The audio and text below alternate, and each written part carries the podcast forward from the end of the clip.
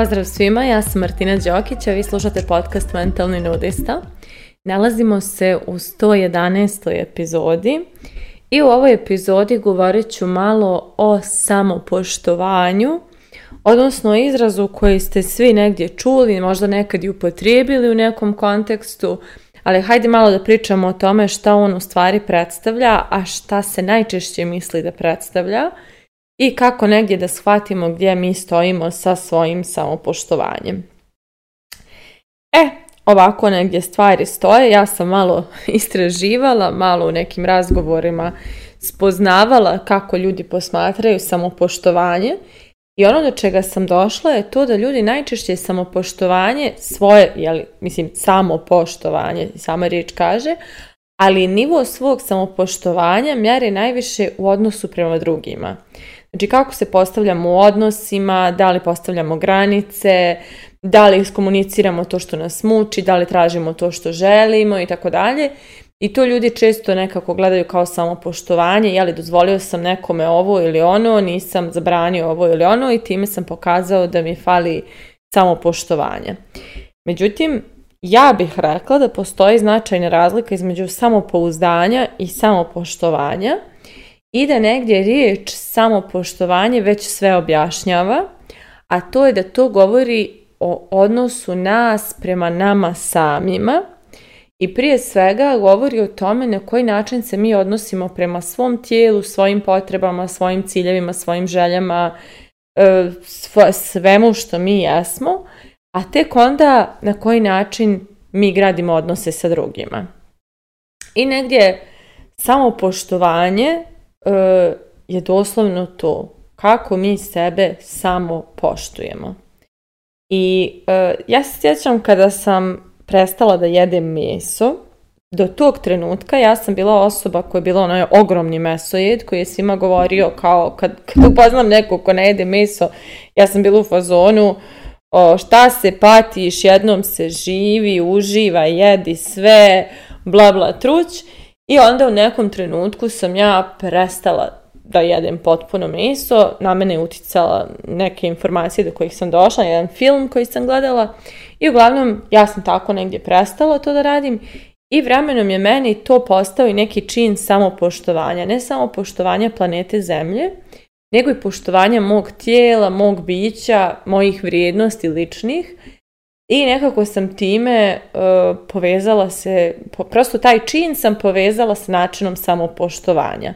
Dakle, nije to za mene više bila nikakva žrtva, kao joj jadna ja ne jedem kobasicu koju volim i tako dalje, nego bukvalno bravo ja, kako ja lijepo se odnosim prema sebi. Tako sam negdje povezala taj čin.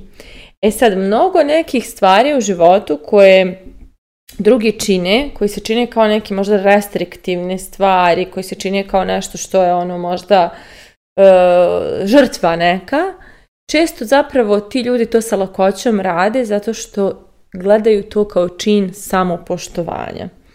Evo, na primjer, ja isto alkohol ne pijem već dugo u nekim količinama, znači popiću čašu vina jednom u mjesec dana i mm, ono, napijanje i opijanje i takve stvari nisu nešto što mi je više uopšte ni privlačno ni zanimljivo. Jer onaj osjećaj koji imam sutra kada se probudim nakon alkohola, meni pokazuje da sam bila loša prema sebi. I da ne vidim to kao vid provoda, uh, iako sam se napila i otkačila, ako sutradan moje tijelo nije u dobrom stanju i moj duh nije u dobrom stanju meni to pokazuje da nisam bila dobra prema sebi, odnosno da nisam sebe poštovala.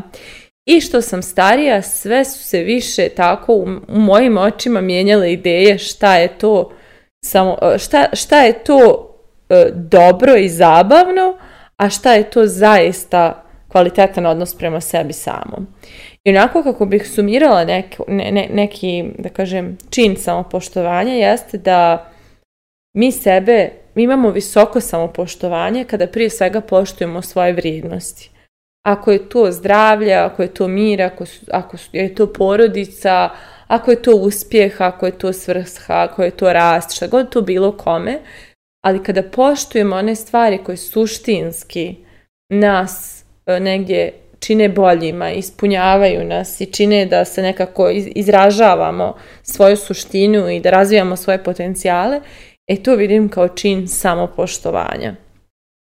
Ako radimo neke stvari, dok žrtvujemo neko svoje dobro stanje, mi onda nemamo dovoljno samopoštovanja i samim tim negdje, da kažem, narušavamo sebe i svoje biće. I ja već odavno posmatram ljude kroz to da li su se zapustili.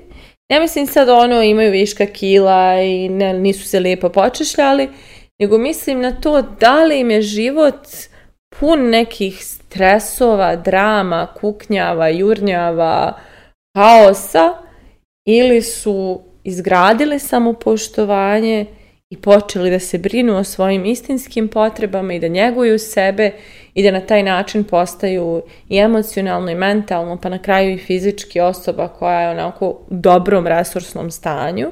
Jer mi ne možemo biti dobri ako nismo prije svega sebi dobri. Znači ne možemo valjati ni drugima ako smo polupani dok im dajemo neku ljubav, podršku, pažnju ili šta god, jer to radimo s nekom dozom očaja u sebi. A kada smo namireni, kada sebe poštujemo, kada poštujemo svoje potrebe, čujemo ih, kada stajemo iza njih i činimo sve da ih zadovoljimo, mi smo onda resursni. Mi onda ne vrištimo iznutra, nema u, u nama gomilu otvorenih rupa koje, koje vrište i traže da, da, da ih nešto popuni, nego doslovno eh, mi smo namireni, smireni i sposobni da čujemo i šta drugi imaju da kažu i koje su njihove potrebe, pa i da i te potrebe negdje da kažem, da nekom i pružimo nešto i podržimo ga u nečemu, jer imamo Znači, imamo prostora, imamo živaca, imamo vremena, imamo energije jer smo namireni. Tako da negdje nivo mira i zadovoljstva koje osjećamo svojim životom nam mogu reći koliko se mi samo poštujemo, odnosno koliko je naše samopoštovanje na dobrom nivou, a onda i kada taj odnos sa sobom izgradimo na, na neki kvalitetan način, lako je to uspostaviti i sa drugima. Lako je onda i napustiti posao koji, koji koji nas ne poštuje, lako je onda i prekinuti prijateljstva u kojima ne osjećamo da su, da su naše vrijednosti ispoštovane, izaći iz veza u kojima osjećamo da naše samopoštovanje biva narušeno. Znači prosto lako je raščistiti sva ostala polja kada je to krucijalno podešeno pravo. Tako da doslovno krajnje jedino i najvažnije mjerilo našeg samopoštovanja je naš odnos nas prema nama samima. I tu i naše dobre navike pričaju dosta o tome koliko samopoštovanja gajimo, jer što više imamo kvalitetnih navika, ako spavamo redovno i dovoljno, ako imamo slobodno vrijeme, ako radimo stvari koje nas pokreću, ispunjavaju i prosto izražavamo se svoju kreativnost, ako E, idemo ka svojim ciljevima i, i da kažem kreiramo ih i koračamo ka njima i žrtvujemo, ne žrtvujemo se nego rizikujemo za njih, to govori sve da mi imamo samopoštovanje. A onda pored, mislim zdravlje nam je onda i na visokom nivou, energija životna nam je na visokom nivou, raspoloženje nam je na visokom nivou, naravno ne 24-7, ali većinski smo osoba koja je u dobrom stanju, naravno bit će faza kada smo na dnu, bit će faza kada stvari ne idu, ali pričamo o nekom prirodnom stanju u kojem se nalazimo. Znači ako nam je prirodno stanje, stanje mira, ako nam je prirodno stanje, stanje rasta, prosperiteta, onda možemo reći da imamo stvarno dobro samopoštovanje. Ako to što radimo naplaćujemo tako da smo zadovoljni šta smo dobili za uzvrat, za svoj rad i svoje vrijeme koje smo uložili, možemo reći da imamo dobro samopoštovanje. Ja ga nisam imala na mnogo polja u životu, ni u odnosima, ni u poslu, u mnogo, mnogo čemu, prosto bila sam osoba koja, ono, spominjala sam to puno puta, bila sam people pleaser. Znači, dok sam se ja bavila potrebama drugih, moje potrebe su bile potpuno zanemarene, nisam ih čula, nisam ih vidjela, nisam, nisam ih registrovala kao prioritet i samim tim nekako uh, svi rezultati koji sam ostvarivala bili su onako nauštrb nekog mog dobrog stanja. A tek sada mogu reći da imam neko zdravo samopoštovanje. Vjerujem da će ono još rasti, vjerujem da ono ispred mene, Bog zna još kakav je put razvoja, ali sada mogu reći da negdje mm, osjećam da vrijedim, Eh, znam da tražim to što smatram da zaslužujem, znam da se sklonim iz onoga gdje osjećam da mi nije dobro, znam prosto da negdje, eh, znam da, da, da podesim svoje vrijeme tako da moje potrebe, moje ciljevi, moje želje budu prioritet i samim tim iz dana u dan moje samopoštovanje raste. Tako da moje pitanje za kraj ove epizode je kako vi stojite sa svojim samopoštovanjem i šta je potrebno da učinite da ga podignete na veći nivo. Mislite o tome, a mi se družimo u narednoj epizodi.